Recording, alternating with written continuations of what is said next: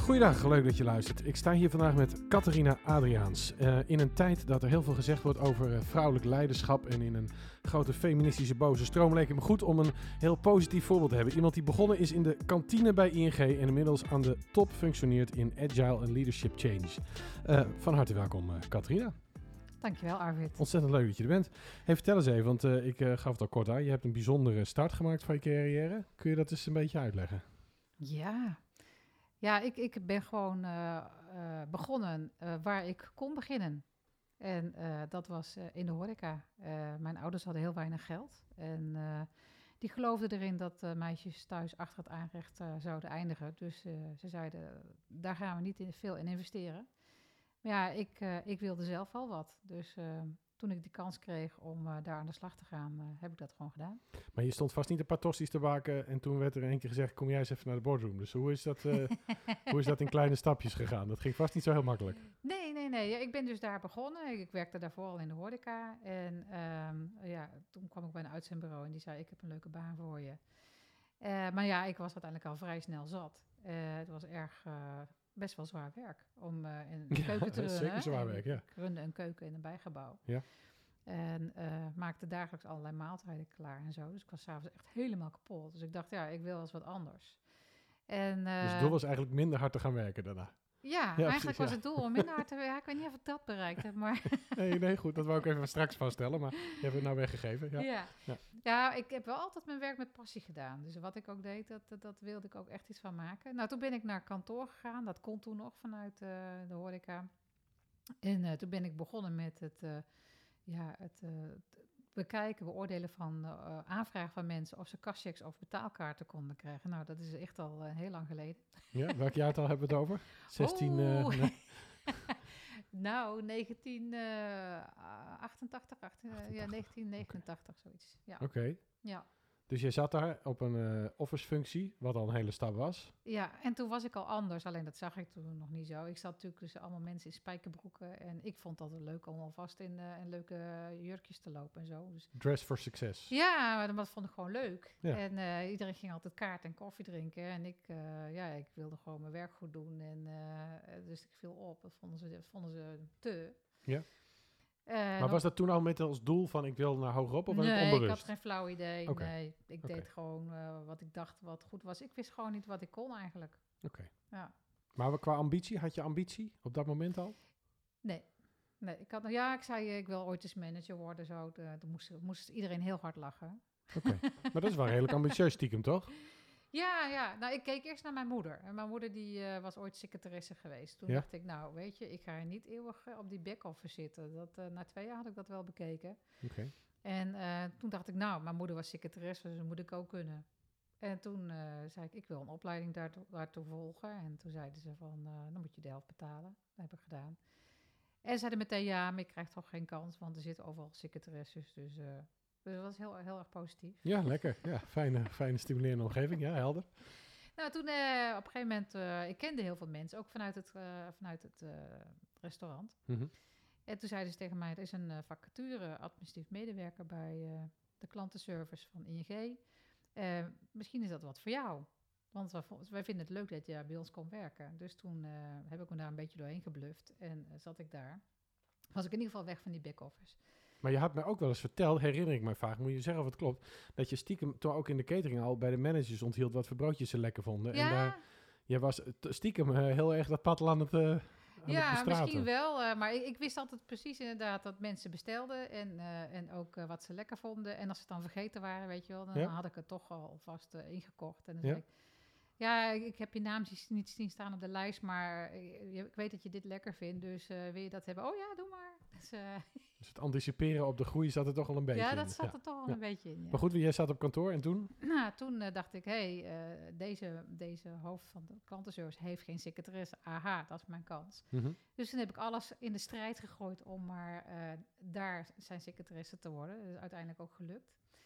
En ehm, nou, dat heb ik een aantal jaar gedaan. En op een gegeven moment eh, met verschillende hoofden eh, voor gewerkt. Eh, en toen kwam een oud hoofd en die zei... ik ga een heel groot programma opzetten... En ik wil graag dat jij mijn rechterhand gaat worden. En wil je dat? En toen moest ik dus alle zekerheid achter mij laten. En Maar ik dacht, ja, ik vertrouwde hem gewoon. Mhm. Ik wist nog steeds niet wat ik allemaal kon. En ik dacht, nou, als hij dat denkt, dan ga ik dat gewoon doen. En nu als je terugkijkt, wat kun je eigenlijk? Ja. Ehm, meer dan ik denk. Ja, oké, maar, wa- maar wat, is, wat is het? Eh, Wat is de rode draad? Want er zitten natuurlijk heel veel kleine stapjes draad. tussen. Ik ben heel goed in netwerken. Ik kan heel goed verbinden. Eh, ik zie heel goed eh, wat er moet gebeuren. Om zeg maar doelen te bereiken. Mhm. Eh, en ik kan goed mensen in hun kracht zetten, ehm, waardoor ze... oh, en op de juiste plek. Nou, is in je kracht zetten, staat zeker in de bullshit bingo. Dus dat is echt, wat is, is dat nou? In je kracht zetten? Ja, mensen in hun kracht zetten. Ja, dat is, dat is het meest misbruikte woord van dit jaar, zeker al. En het is Oh. pas, het is pas april. Ja, eh, nou wat ik... Ik kijk gewoon heel erg naar van waar, waar, eh, waar worden mensen blij van. Maar moeten ze ook goed in? Is, gaat het over competentie? Ja, natuurlijk. Ze moeten bepaalde eh, competenties hebben. Ja. Maar je ziet vaak wel... Ik heb bijvoorbeeld eh, laatst, eh, even nu dan... kreeg ik even tijdelijk iemand die een soort innovatiecoach... die Ja. ons ging helpen. En ehm, nou, in het begin hadden we nog wel wat verschillende denkbeelden... omdat het, het was een beetje te religieus als ze daarin zaten... En het moet natuurlijk wel passen bij wat wij doen in onze context. Mhm. Dus daar hadden we het over. En, maar gedurende dat ik wat vaker met haar zat, zag ik dat zij ook ja, ongelooflijk slim was. En dat ze hele goede analytische skills had. En ze kon ook heel goed presentaties maken en dat soort dingen. Dus eh, en dat, dat neem ik dan in mij op. En eh, op een gegeven moment dacht ik, hé, hey, ehm, ik wil eigenlijk eh, dat, dat we de opdracht iets breder maken. Want ik wil eigenlijk wat innovatie koppelen ook aan uitkomsten van ehm medewerkerstevredenheidsonderzoeken die wij doen. Mhm. En toen heb ik haar gevraagd, om, met dat in het achterhoofd dat ze dus analytisch heel sterk was, eh, of zij daar een analyse op wilde doen vanuit die innovatiebril. Mhm. Dat is heel vernieuwend ook binnen ING. En toen ehm, eh, kwam ze met eh, verrassende resultaten. En dat hebben wij zeg maar samengevoegd in, in de experimenten die we ook deden. En daarmee hebben we nu zeg maar weer iets eh, waar we anderen weer ehm, mee kunnen inspireren. Maar dat betekent dat in, die- in je kracht zetten eigenlijk gewoon betekent dat jij zag waar zij veel beter in was. En haar gewoon laat doen waar ze eigenlijk heel ja, en dan competent gaf is. we de ruimte. Ja, Ja, ja, ruimte, vertrouwen, maar Ja. ook jij, jouw analyse maakt dat je eigenlijk gewoon zag waar ze goed in was. Ja, ja. ja. Nee, goed, maar omdat het altijd zo'n, het, het heeft een bijna spirituele term in je kracht zetten, maar het is dus gewoon ja, eigenlijk, eh, eh, de, eh, want volgens de Chinees is dat de belangrijkste capaciteit van een leider, hè? dus eh, talent kunnen inschatten. Dat is eigenlijk het enige wat je moet kunnen, zeggen ze daar. Nou goed, dat is in China. Maar eh, dat is een belangrijke. Hey, en en eh, hoe heet jouw titel nu? Want ik heb hem eh, vanochtend nog opgezocht, maar ik kan dit allemaal niet onthouden en uitspreken. Het is echt 800 woorden, dames en heren. Dus ga er even rustig voor zitten, pak een kop thee, daar Nou, komt het. Ja. ik ben lead van een Center of Expertise Agile Coaching. Dat. Ja. Nou, fantastisch toch? Ja. En wat Ja. is dat? Wat is dat? Nou, in principe is het zo dat ING eh, heeft als doel dat wij eh, allemaal eh, op één manier werken en dat is agile. En dat heeft ermee te En maken... agile, voor de mensen die het weten, betekent wendbaar. ja, Dus het is vanuit het gedachtegoed dat als de, de wereld verandert steeds sneller. ja, En je moet dus wendbaar kunnen zijn en snel kunnen inspringen op verandering. Zeg precies. dat goed? Ja, je probeert de organisatie wendbaarder te maken. Daar waar mogelijk natuurlijk. En jullie hebben 50.000 mensen. We hebben 52.000 52.000. medewerkers wereldwijd. Ja. Hoe krijg je die nou wendbaar, Katrina? Want dat Ja. is toch gewoon niet te doen? Dat is een uitdaging. Ja. En dat is leuk. ja, oké. Nou, neem ons mee op de pad. Want Nou, want want eh, eh, ik begon met de intro. Hè. We hebben eh, competente vrouwelijke leiders nodig. Nou vind ik altijd dat ze heel hard schreeuwen. Maar omdat jij zo ontzettend hard gebikkeld hebt om hier te komen, denk ik, nou, als iemand weet hoe dit werkt, moet jij het zijn. Hoe werkt het aan de top? Hoe, hoe, hoe ga je hier strategisch voor zitten? 52.000 mensen wendbaar maken. Ja, dat is niet alleen maar mijn doel. Hè. Nee, maar goed. niet mijn taak. voor alleen. vandaag wel. Ja, ik doe Ja. dit binnen een on- bepaald onderdeel van ING. Ja. Eh, en, en daar eh, is mijn focus. Dus eh, wereldwijd is dat zes, of dus op headquarters noemen we dat is 600 man en wereldwijd 3000 man. Ja. En we zijn begonnen met eh, op headquarters 6000, 600 man om die zeg maar eerst in scope te krijgen Ja. en te verleiden om ook daarmee eh, aan de slag te gaan. Want is dat de truc? Verleiden eerst? Eh, ja, in die zin dat je laat zien dat het hen ook helpt. Hè? Ik bedoel, je, je gaat niet iets doen om iets te doen. Hè? Dus zeggen, ik ga geen agile brengen omdat ik denk, omdat ING heeft gezegd iedereen moet agile werken. Dat, dat, dat werkt. Dus niet. als mensen het niet accepteren, die daar Dan- mee moeten gaan doen. Als ze er niet aan toe zijn, begin ik er niet. Oké, helder. Dus dat stap 1 is Ja. Acceptatie. Ja, dus iemand moet of een hele grote wens hebben of een, eh, een urgentie. Hè? Ja. Dus eh, waardoor ze denken dat ze deze manier van werken nodig hebben. Ja. ja. En dan hebben wij een, ja, een aanpak, zeg maar, om op, eh, te groeien naar bepaalde maturity. En de uiteindelijke eindmaturity noemen wij dan de continuous improvement state.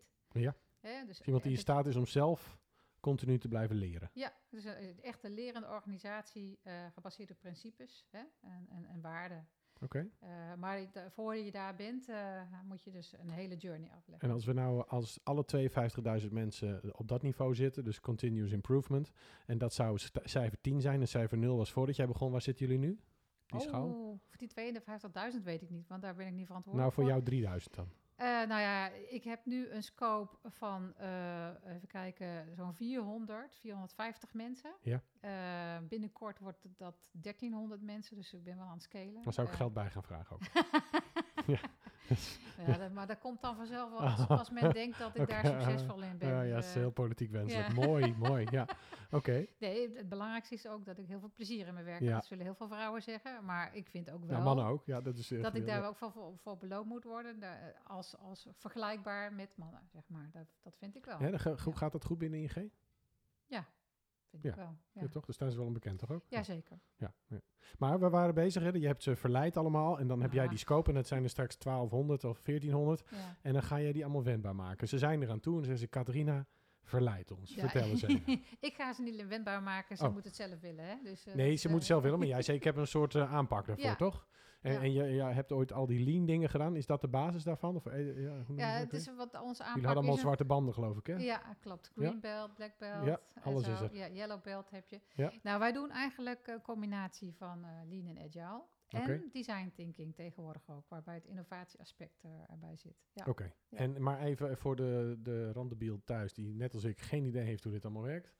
Ja, Hoe, hoe zit dit? Mensen zijn eraan toe. Mensen moeten wendbaar worden. Nou heb ik, eh, zie ik voor me een organisatie die, eh, nou ja, wat zegt, protocollen, principes, eh, een bepaalde verantwoordelijkheid, eh, een, een, eh, hoe het zoiets.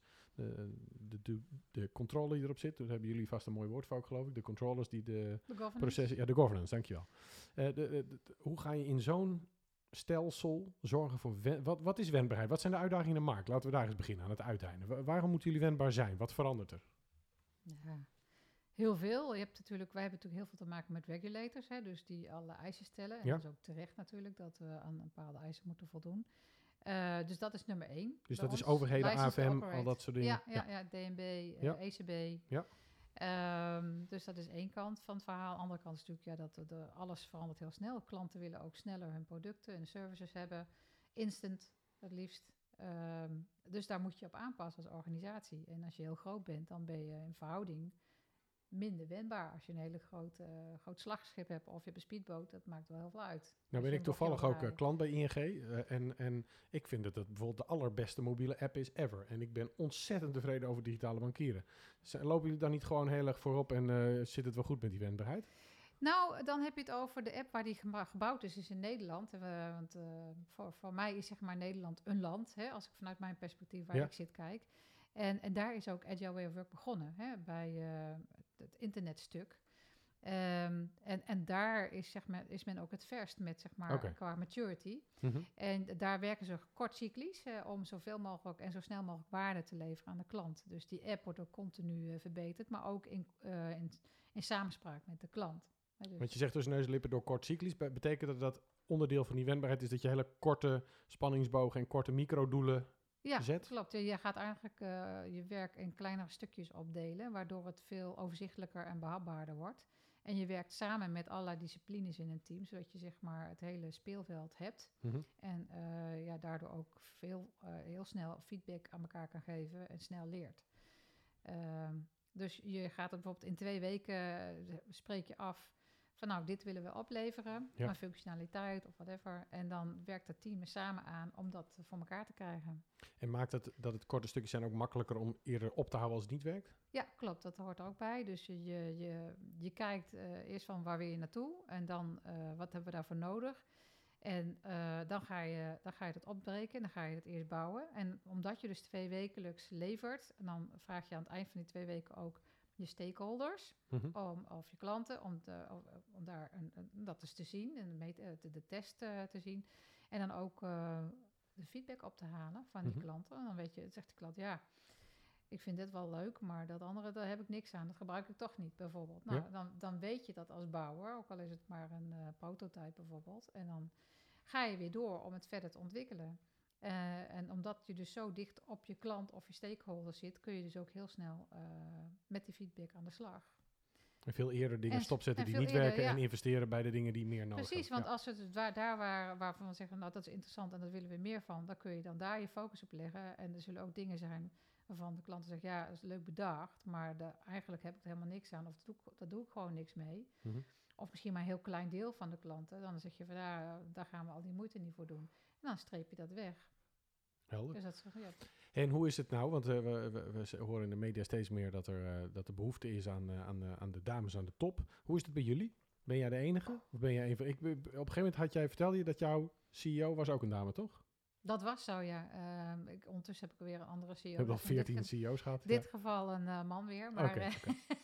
Maar hoe is dat bij jullie? Is die, hoe is die verdeling? ja, in de top, ik geloof dat we nog net niet aan, aan de eisen voldoen. Van 25 procent. Ja, ja. Maar, Dat is eigenlijk al heel goed, want de meeste zitten onder de 4 procent. ja, maar ik denk dat het ook heel goed voor de bank is als we die diversiteit er hebben. Leg eens uit, want dat, is, dat, Mm. is, dat wil ik van jou nou eens horen, want van jou geloof ik het. Nou, kijk, vooral in een bank. Een bank is toch ook, ehm, het gaat om geld en macht. En in die zin, hè, geld. En daar ben je helemaal niet gevoelig ik voor, toch? Helemaal niet, Nee. nee. Ja. En natuurlijk wil je zo goed mogelijk met het geld omgaan. En, zo, en, en, en ook voor de klant, maar ook daarbij winst maken voor het bedrijf en voor je aandeelhouders. Ehm, ik denk, eh, ja, ik, ik vind het heel mooi zoals, ze- zoals ze dat bijvoorbeeld in IJsland doen. Hè. In IJsland hebben, hebben ze ook gewoon een quotum gesteld van eh, de helft eh, in een board moet vijf- eh, 50% vrouw, 50% man zijn. En ehm, ik, ik, heb niet, ik heb niet gekeken of er wetenschappelijk onderzoek naar gedaan is, zal vast wel. Maar je ziet dat de economie, de economie daar het heel goed doet. Mhm. Eh, en ook, ehm, eh, ik denk, denk dan de, dat de beslu- besluiten die genomen worden meer gebalanceerd zijn. Als je, Maar leg dat eens uit, want, want los van de wetenschap, ik bedoel, het gaat vandaag even om jouw perspectief namelijk. Ja. Eh, wa- wat is het verschil? Waar zie jij op dagelijkse basis verschillen? Hè? Als we het Nou, hebben ik over... denk over dat, ja, dat, is een, dat is meer hoe ik het zie, maar dat is, ja, daar dat gaat is het mijn vandaag om. perceptie. Het gaat alleen maar om jouw perceptie. Als Hoorden jullie allemaal de disclaimer? Dit is heel duidelijk. Catharina zegt nu precies wat ze zelf vindt. Ja. Ja. nou, kijk, ik ben heel erg van, eh, wat, wat ik ook al aangegeven, heel erg van het potentieel van mensen aanspreken en, en, en mensen in een, eh, op een goede plek in een kracht zetten. Eh, dus ehm, bijvoorbeeld gisteren hadden we ook vanuit onze agile coaches naar onze stakeholders toe, gaven we een demo over de ehm, producten en services die wij hebben ontwikkeld in dit kwartaal. Mhm. We hebben vier dingen laten zien in een uurtijd.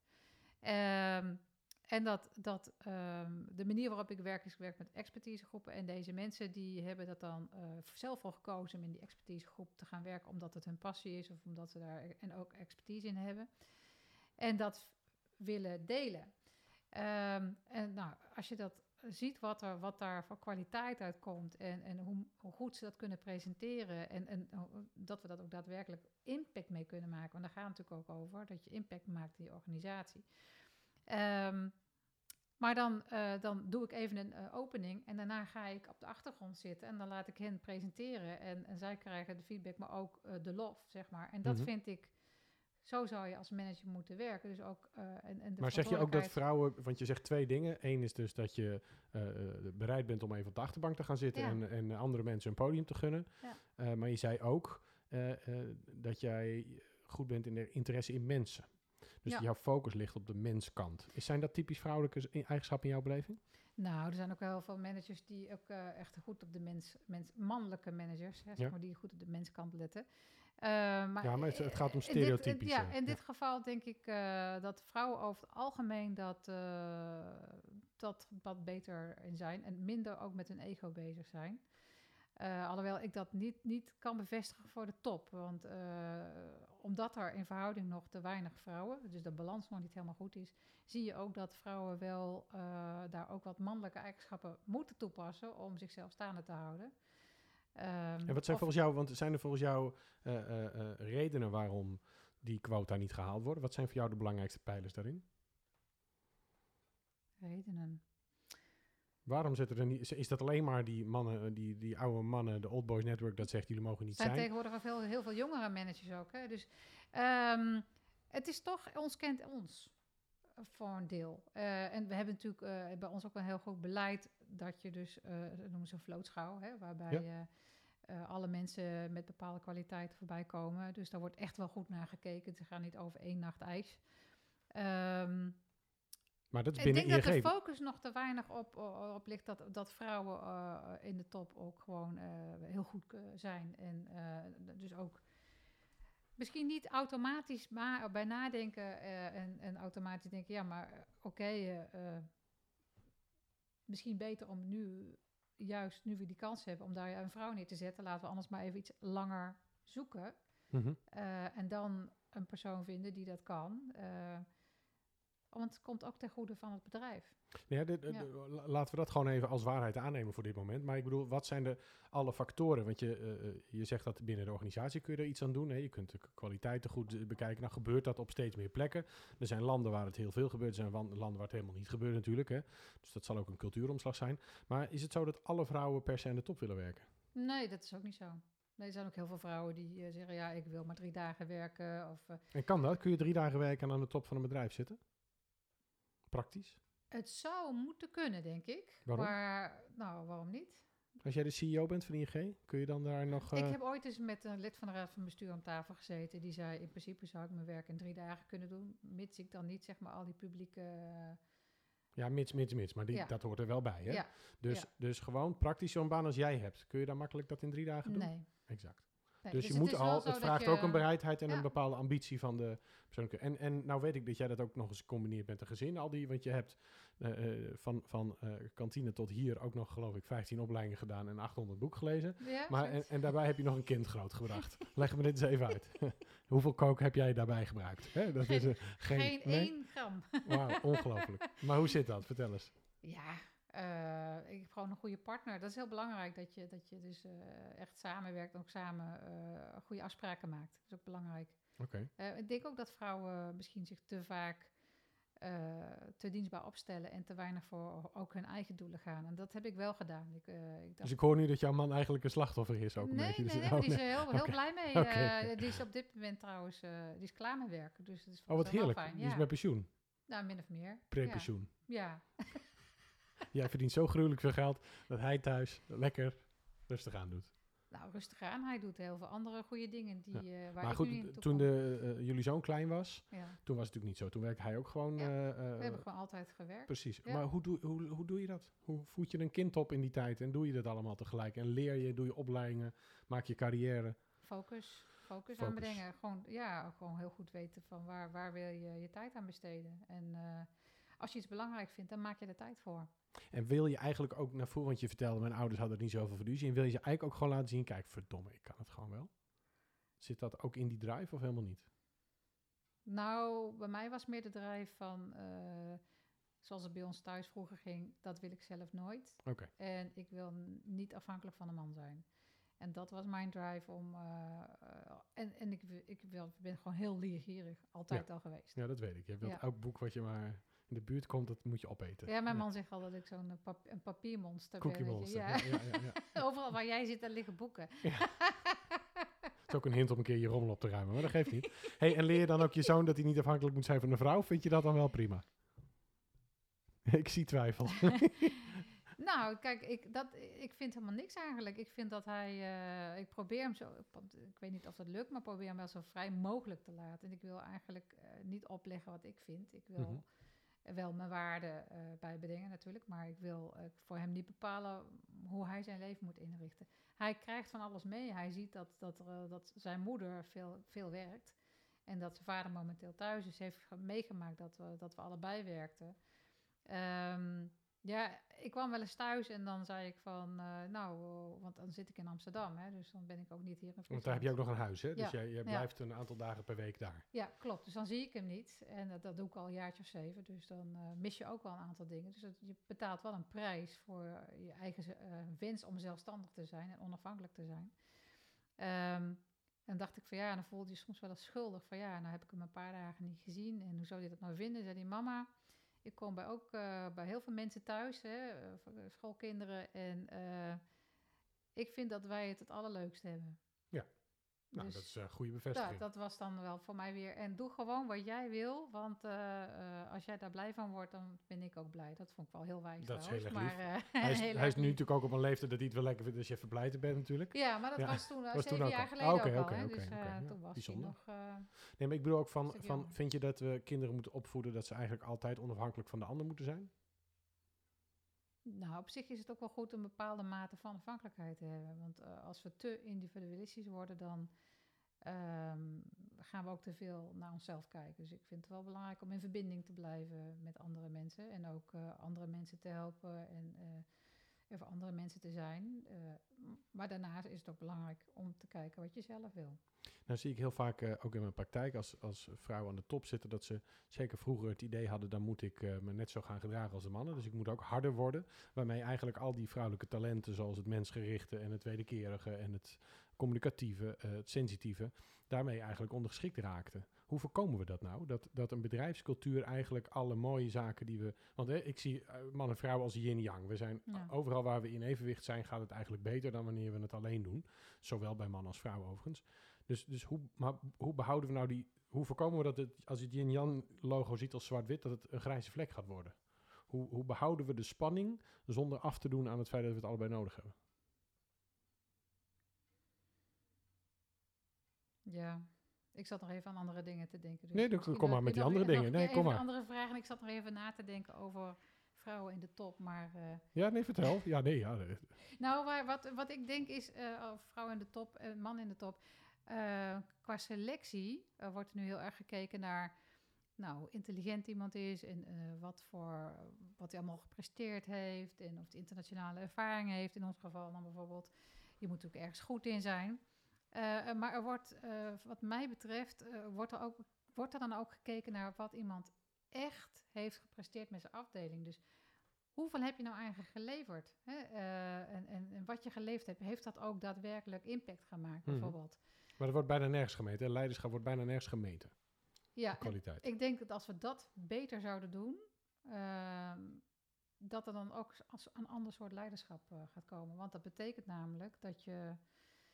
Het ehm, niet meer redt met een mooi praatje, maar dat je ook gewoon gaatjes moet vullen. Ja, dat Ja. je echt. eh, en, en echt, ik vind. eh, eh, Denk je dat vrouwen beter scoren?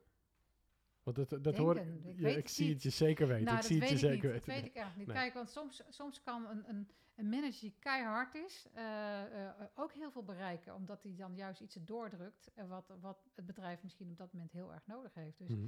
Ik, ik geloof ook niet in dat je alleen maar... Je, moet gewoon een mix hebben van allerlei soorten leiders. En wat kunnen jullie met, met een wendbare cultuur? Want er zijn een aantal vakken waar vrouwen inmiddels totaal de overhand hebben. Onder andere rechtspraak in de medische specialisaties, eh, tandheelkunde. Vrouwen hebben daar gewoon eh, 60% of meer inmiddels eh, de overhand. Ehm, dat zijn allemaal vakken waar ze dat parttime kunnen doen vaak. En er zijn heel veel die ervoor kiezen om het in deeltijd te doen. Wat kan zo'n bank nou doen om dat toch ook beter mogelijk te maken? Want blijkbaar is er wel degelijk ambitie, maar in een bepaalde verhouding, in een bepaalde gezonde mate. Er zijn heel veel mensen ook bij ons die wel part-time werken. Ook vrouwen, maar ook mannen trouwens. Ja, nee, maar ook aan de echte top. Aan de echte top minder. Nee, dat zie je eigenlijk niet. Nee. Maar, waar- maar waarom doen we dat niet? Hebben we onszelf wijsgemaakt dat je per se 80 uur eh, ergens op een stoel moet zitten? Is dat een houding of is het noodzakelijk? Je hebt gewoon ook een grotere scope. Hè? Dus eh, je moet gewoon veel meer kunnen overzien. Als, eh, kijk, als je een klein team hebt en, en je bent er ergens onderdeel van, dan is dat veel overzichtelijker, minder co- complex over het algemeen. Eh, Ik bedoel, het werk kan ook heel complex zijn. Eh, maar als jij verantwoordelijk bent voor heel veel mensen en eh, vaak meerdere deelgebieden, en, ja, dan moet je toch wel daar voldoende tijd aan kunnen besteden om, om dat goed overzicht te kunnen hebben. Het gaat er wel over, ehm, en daar ben ik zelf ook mee bezig, van hoe kan ik zeg maar nog meer delegeren in die zin. ehm, en me meer met strategische zaken bezighouden, visie, visievorming en, en zorgen dat er experimenten gedaan worden om eh, ja, het werk te vernieuwen of met nieuwe producten en services te komen. Maar delegeren betekent vaak ook loslaten. Ben je goed Ja. in loslaten? Oh, nou ja, kan ik wel. Als ik daar- maar dan moet ik wel vertrouwen in hebben. Maar dat- dan moet ik. Er komen de Nou, voorwaarden. Nou ja. ja, delegeren, je kan op verschillende manieren delegeren. Dus je kan eh, alles delegeren met het mandaat. Eh, bijvoorbeeld als het heel operationeel is en het wordt door meerdere mensen gedaan en je hebt dat gewoon goed ingebed, dan heb je er geen omkijken naar bijvoorbeeld. Hè. Dus zou je misschien hier en daar een audit op kunnen doen. Maar je hebt ook bijvoorbeeld strategische zaken die, eh, die waar je nog wel zicht op wil hebben. Ja, dan gaat het ook over van nou, wie, aan wie ga ik dat delegeren? Heeft iemand de kwaliteiten om dat van mij over te nemen?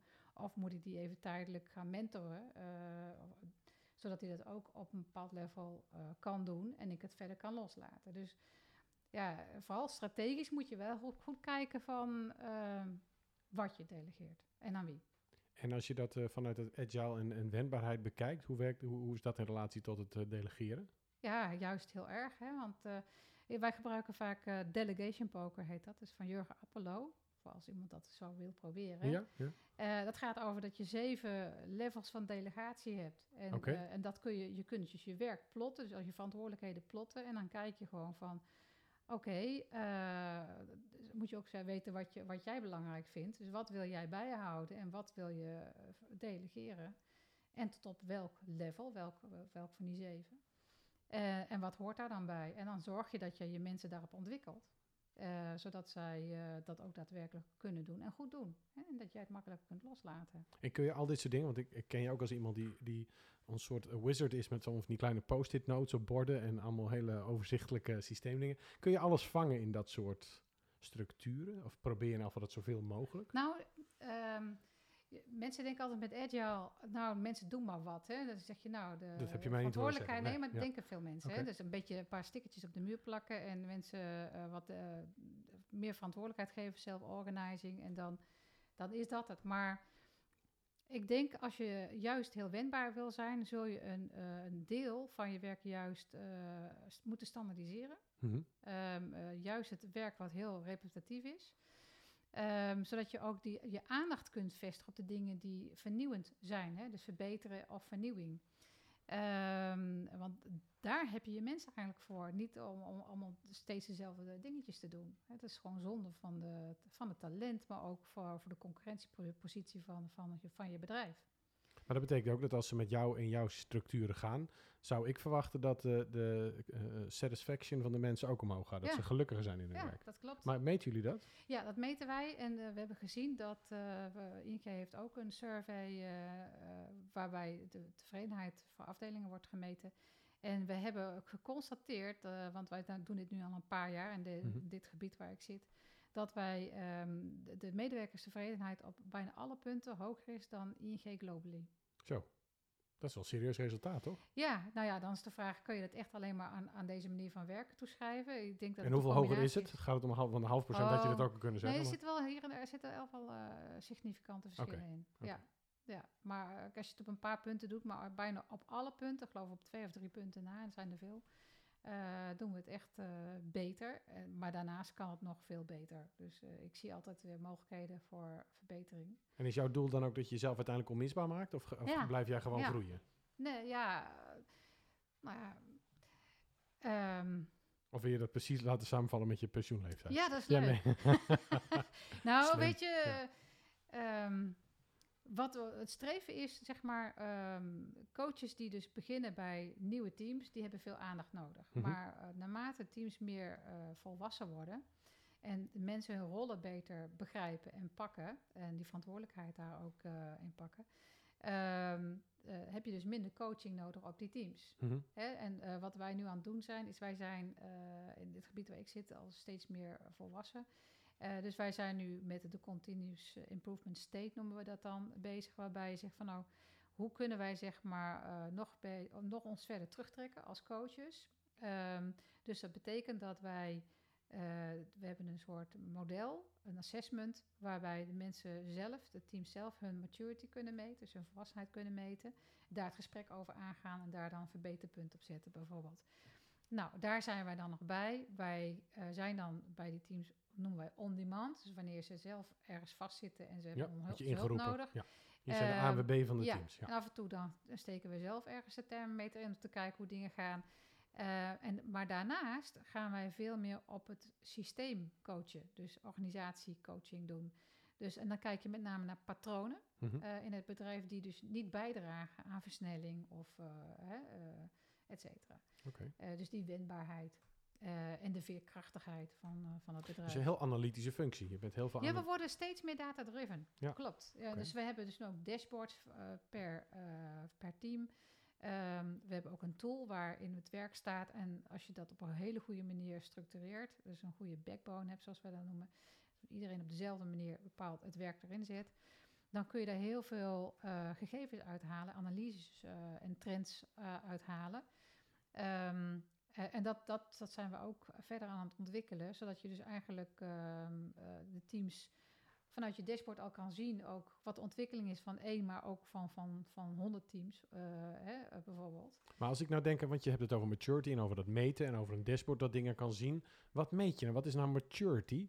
Want dat is in, in biologische zin kun je dat wel zien. Een bepaald verouderingsproces feitelijk. Maar Ja, maturity ligt aan de, de volwassenheidsstaat, sta, st- eh, fase. Eh, dus als je een lage maturity hebt, dan kijk je veel meer van zijn bepaalde fundamenten op zijn plek en eh, hebben ze dat ook op zijn plek gebracht, zeg maar. Maar, maar wat zijn de fases? Hoeveel fases zijn nou, er? wij hebben drie fases: eh start-up, speed-up, sustain en dan continuous improve eh, state. Oké, ja. oké. Ja, En per fase moet je een aantal dingen laten zien. Er zitten een, paar bouw, een aantal bouwblokken in die op Ja. agile en lean ge- gestoeld zijn. Ja.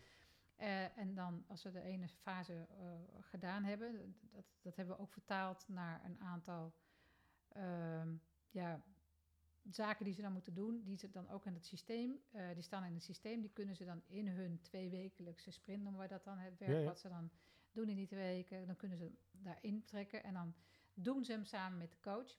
En als hij klaar is, dan is hij af. En dan kun je het ook weer zien van alle teams, als ze al die blokjes gedaan hebben, van waar ze staan. Dus wat maar kost dit niet ook heel veel tijd? Want je zei, als je normaal je werk zou doen, kost dit niet gewoon 20% meer tijd? Nee, het levert je 30% meer op. Oh echt? Serieus? Ja. Zo, zo significant is dat? Ja, ja, ja. ja je kunt heel veel, eh, je kunt veel productiever eh, zijn en ook veel meer gefocust op het leveren van waarde naar klanten. Want dat beginnen de mensen veel beter te begrijpen. Wat doen we hier? Eh, waarom zijn we hier met z'n allen? Om die waarde aan die klant te leveren. En op een, een manier waarbij we het zo, zo weinig mogelijk over, ja, hoeven, tijd, wat zo weinig mogelijk tijd kost en effort. En werkt dit in alleen hele grote gestructureerde organisaties of werkt dit overal? Het werkt overal. Ja? Kleine, ja, zeker. Klein, groot, maakt niet uit. Ja. Oké, dus jij zegt, als, want ik, ik begreep eh, onlangs in de meeste blogs en zaken die ik lees, dat het, de, de hype weer een klein beetje voorbij is. Maar jij zegt, dat is eh, never been better. Ik denk dat, eh, dat we niet zonder agile kunnen, of hoe je het ook noemt. Hè. Het gaat over het wendbaar worden van je organisatie. Omdat alles steeds sneller wordt. Dus je zult het zo goed georganiseerd moeten hebben dat je het potentieel van je mensen goed kunt inzetten. Daar gaat het wat mij betreft over, om die waarde te kunnen leveren en een concurrentievoordeel te kunnen behouden. En ben jij zelf al in de staat van eh, cont- continuous development and improvement? Ja, wij zijn met mijn eigen team, met een Nee, maar jij als mens, Oh, gewoon als zelf, mens. helemaal alleen. Ze- Ben jij zelf al op dat punt? Ah, weet ik niet. Dat vind ik een moeilijke. Eh, ik zeg niet dat ik mens. vraag. Ik heb Ja, niks beloofd. Hè? Dus dat- Ehm, want als ik je eh, gewoon je LinkedIn profiel, eh, dat kunnen mensen die luisteren ook opzoeken. Daar, daar duidt in elk geval improvement dat vrij ver doorgaat. Je bent dit jaar nog weer begonnen met de opleiding, geloof ik, ja, aan de VU. ja. Dus eh, nou, ik ben eigenlijk altijd aan het, aan het ontwikkelen. Precies. En zo zit ik ook in elkaar. Ik denk dat je niet een, een lead kan zijn van coaches die een nieuwe manier van werken moet brengen. Met daarbij altijd ook opletten wat komt er weer aan, waar, wat we weer erbij moeten gaan doen. En zeg maar eh, weer die vernieuwing te brengen. Ja, dan moet je wel iemand zijn die ook eh, eager is om nieuwe dingen te omarmen en te proberen. en ben je dan ook bereid om oude dingen los te laten? Of Zeker. Oké, zeker. Ja, wat heb je allemaal losgelaten? die, Oh eh, god. Ja, kom maar, kom maar. Nou, als ik kijk naar eh, mijn laatste ontwikkeling, ja, eh, eh, loslaten. Ja, loslaten dat je dus dingen ook aan anderen overlaat. Dat je dus ook vertrouwt dat andere mensen ook dingen heel goed kunnen. Hè, en dat ze jou daar niet voor nodig hebben. Ehm, Maar ook in denkbeelden, want je hebt nu heel erg dat perspectief van de agile. Dat had je tien Ja. jaar geleden nog niet, denk ik. Nee, Eh, zijn er ook oude denkbeelden die je vroeger had, die je ook niet meer hebt? Jazeker, ja, ja, ja, ja. Ehm, nou, ik heb laatst, eh, ben ik eh, naar New York geweest. Heb ik een vierdaagse event met Tony Robbins gedaan. Ja, ik ken hem. Unleash Ja. the Power Within. Oh, nou, Ja, en dat is geen goedkope dag geweest. Nee. Ik heb hem ook nog gekregen. Oh, je hebt hem ook nog gekregen. Nou, Van een vriendin. Heel leuk. En, ehm, maar dat is heel Eh, bijzonder. Ik, de- de- wie, wie het niet kent, eh, kan de Netflix-documentaire kijken. Maar wa- wat je ook van de man mag vinden. Ik, het is een van mijn eh, favoriete studieobjecten, deze meneer. Eh, maar het is in ieder geval super bijzonder, denk ik, of niet? Het is een hele bijzondere man, ja. En wat hij bereikt heeft is ook heel bijzonder, ja. Ehm, de eerste dag eh, was hij daar en, en heeft hij ons zeg maar tot, eh, tot, tot grote hoogtes opgezweept. En dat doet hij eh, Dat is wat hij doet, met ja. heel veel lawaai. Ja. En eh, je moet heel... Je Dansen en springen en schreeuwen, ja. en het zingen en van alles en nog wat aan doen. En, ehm maar s'avonds om 12 uur liepen we wel met 12.000 man over hete kolen op blote voeten. Mhm. Nou, En dan ben je dus wel in een bepaalde state of mind gebracht. Dat is wel weer bijgetrokken, hoop ik, of niet? Nou, of doe je dat had- nog steeds ik- avonds? ik doe het elke dag. Ja, lekker. Nee, want wie het niet weet, eh, Tony Robbins eh, komt eigenlijk, is eigenlijk het, een beetje het, gouden kind van de NLP. Hè. Er waren twee officiële founders, maar hij heeft het groot gemaakt. Hij heeft inmiddels een imperium wat eh, 500 miljoen waard is. Hij heeft een eigen eiland. En eh, wat hij doet is... eh, nou, wat ik zie dat hij doet, in ieder geval, is dat hij ontzettend goed is in het lezen van mensen. En dat hij daar van alles mee doet. En dat hij ze helpt, nou, wa- wat jij misschien noemt, eh, in je kracht zetten. Of uh, of maar unleash the power. Dus de competentie en de kracht van iemand vinden en daar iets mee doen. Welke kracht heb je gevonden bij hem die je eerder nog niet wist? Nou, op zich niet wat ik eerder niet wist, maar wel dat ik gewoon, ehm, gewoon mijn, eigen, mijn eigen gevoel moet volgen. Dus eh, vaak een gut feeling die je hebt, een, een, een idee. en ook al zegt de wereld om je heen op dat moment, ja, lacht je uit. En dat heb ik toen vaker meegemaakt dat ik uitgelachen werd. Gewoon doorgaan. Want ik, ik hoef nu eigenlijk niet, niet zoveel meer te bewijzen in die zin. Ik heb, Maar hij heeft best wel een gestructureerd proces en je moet Ja. van alles opschrijven. ja. Er kwam wel meer uit dan volg je gevoel. dat geloof ik niet, ik ik weet moet- hoe dat proces eerlijk bij hem zeggen dat ik het gewoon even nu niet meer Oh, terug oké, kan oké, oké. Nee, maar eh, wat ik wel aan overgehouden is dat je bent ehm, tot zoveel in staat, eh, zoveel meer dan je denkt. En dat, dat bewijs je dus ook door over die hete kolen te gaan lopen zonder dat je voeten verbrandt, terwijl het 1000 tot 1200 graden heet is. Dus Ja. normaal gesproken zou je dat niet kunnen. Maar je kan je dus je, je, je, ja, je mind op zo'n manier instellen dat dat dus wel kan. En dat je lichaam jou dan ook nog eens beschermt. Dus dat, is, dat, dat vond ik wel echt heel erg eh, knap van hem. En dan ook nog met zoveel mensen tegelijkertijd. Mhm. Ik bedoel, dan moet je wel iets kunnen. eh, en Ja. mensen, de mind van mensen kunnen bespelen, eh, zeg maar. Dat kan hij volgens mij als geen Ja. ander. Ja, Ja. briljant. Hey, en eh, eh, even, even met het oog, want we zijn ongeveer bijna, we zijn al bijna drie kwartier aan het kletsen. Als je, ehm, er staat nu ergens in Nederland of daarbuiten iemand die wel Nederlands verstaat, want we doen het in Nederlands, iemand in hun kantine. En die heeft net zoveel ambitie als jij en die heeft het ook niet in de schoot geworpen gekregen. Geef mij nou eens een top 3 aan tips van mensen die niet een functie willen omdat ze denken ik heb daar recht op, maar omdat ze het gevoel hebben ik kan dit. Ik kan meer dan ik denk en ik ga op mijn gevoel vertrouwen. Geef mij eens de top 3. Nou, de e- eerste is meteen eh, vertrouw op je gevoel. En dat, ge- welk gevoel had je toen je daar stond in die kantine? Je had het gevoel, ik kan meer? Ik kan meer, alleen ik weet niet wat. En eh, eh, probeer, doe gewoon wat er je opkomt en waarvan je denkt dat je het kunt. Als je het niet weet, dan probeer het gewoon. Want als je het niet probeert, dan weet je het niet. Oké. En als het niet bevalt, ja, dan probeer je wat anders. Dus het is helemaal niet erg. En dat heb ik ook geleerd. Het is helemaal niet erg om fouten te maken. Ik, ik, eh, dat is uit een ander iets wat ik ooit gedaan heb. Dus een tiendaagse silence retreat. En daar heb ik geleerd... Silent, eh, die moeten we Ja. even silence retreat. Dus Ja. dat is een, een wacht eens even, want dit gaat allemaal heel snel. Maar dat is daar ergens op zo'n hutje en dan tien dagen je muil houden en veganistisch eten. ja, ja, ja, ja, veganistisch eten. Ja, en, ja. eh, ja het was dat, eh, dat was wel een eh, opgave. Maar Ja, het doe ik dat ook niet. Ik heb tien dagen geen vlees, dan ga ik niet mee. Ja. Ja, ik heb Vipassana meditatie gedaan, Oké. tien dagen. En dan ga je helemaal naar binnen. En, en wat ik daar geleerd heb, is eigenlijk is alles is goed. Want wij, hebben, wij, wij oordelen zo snel. En dat is ook heel belangrijk. Probeer je oordeel zo, snel, zo lang mogelijk uit te stellen. Want daardoor zie je meer, krijg je meer informatie, et cetera, om, je, om jouw beeld te vormen. Dus eh, ja, dat, dat is eh, ook heel belangrijk. Dus, eh, we zijn allemaal geconditioneerd en we zijn opgegroeid op een bepaalde manier. En dat heb ik echt moeten loslaten. En je vroeg over loslaten. Ik heb mijn conditioneringen, nou niet allemaal, maar ik heb een aantal echt losgelaten en heb ik echt knopen voor moeten doorhakken. En dat heeft ook veel verdriet gekost. Ehm, eh, maar ik, ik wilde het omdat ik wist, het past niet bij mij. Dit systeem eh, of deze conditionering past niet bij mij. En ik ga hem loslaten. En eh, daar heb ik hem ook problemen mee gehad met mijn familie, met eh, ouders. Want wat was de belangrijkste conditionering die je hebt meegekregen die je moest loslaten? In mijn geval religie. Oké. Ja. Dus je moet echt losbreken van die patronen. Ja. Ja. Gefeliciteerd daarmee. Ja, dank je. Ja. Dus uh, tweede tip is dus uh, laat je conditioneringen die jou niet helpen los. Dat is eigenlijk al de derde, want de tweede, je zei eerst nog iets anders hè? dan moet ik me even terughalen. Maar je zei vertrouw op je gevoel. Ja. je zegt nu laat je conditioneringen los, maar daartussen had je er eigenlijk nog eentje die je net zei. Ja, dan moeten we even gaan terugrijden. Ja, jij kijkt me net zo onnozel aan als ik jou. Dus dat, dat het is wel, vrijdag. Ik heb al heel, de hele week gewerkt. Ja, um, ja nee, dus, maar het is heel belangrijk uh, om je gevoel te vormen. Dingen te proberen. Hè, dat ja. ik ook. Dus als het niet lukt... Oh ja, wees, nee, je oordeel uitstellen. dat was die tweede. Wees Sorry. niet bang om fouten te maken. En, en, en, want dat hoort bij het leven. Ja, maar ik bedoel, je zei letterlijk net ook stel je oordeel stel uit. Je oordeel dat uit. was die nummer twee die we zochten. Ook, ook over jezelf. Ook over jezelf? Ja, natuurlijk. Okay. Dat hoort ook bij de conditionering. Hey, en nu, al die jaren later, wat is je oordeel over jezelf dan nu? Dat ik, uh, dat ik er gewoon mag zijn. Oké, okay. gewoon mag zijn. Ja. Zoals je bent. Zoals ik ben. Oké, okay. dat, dat klinkt als een heel prettige constatering. Ja.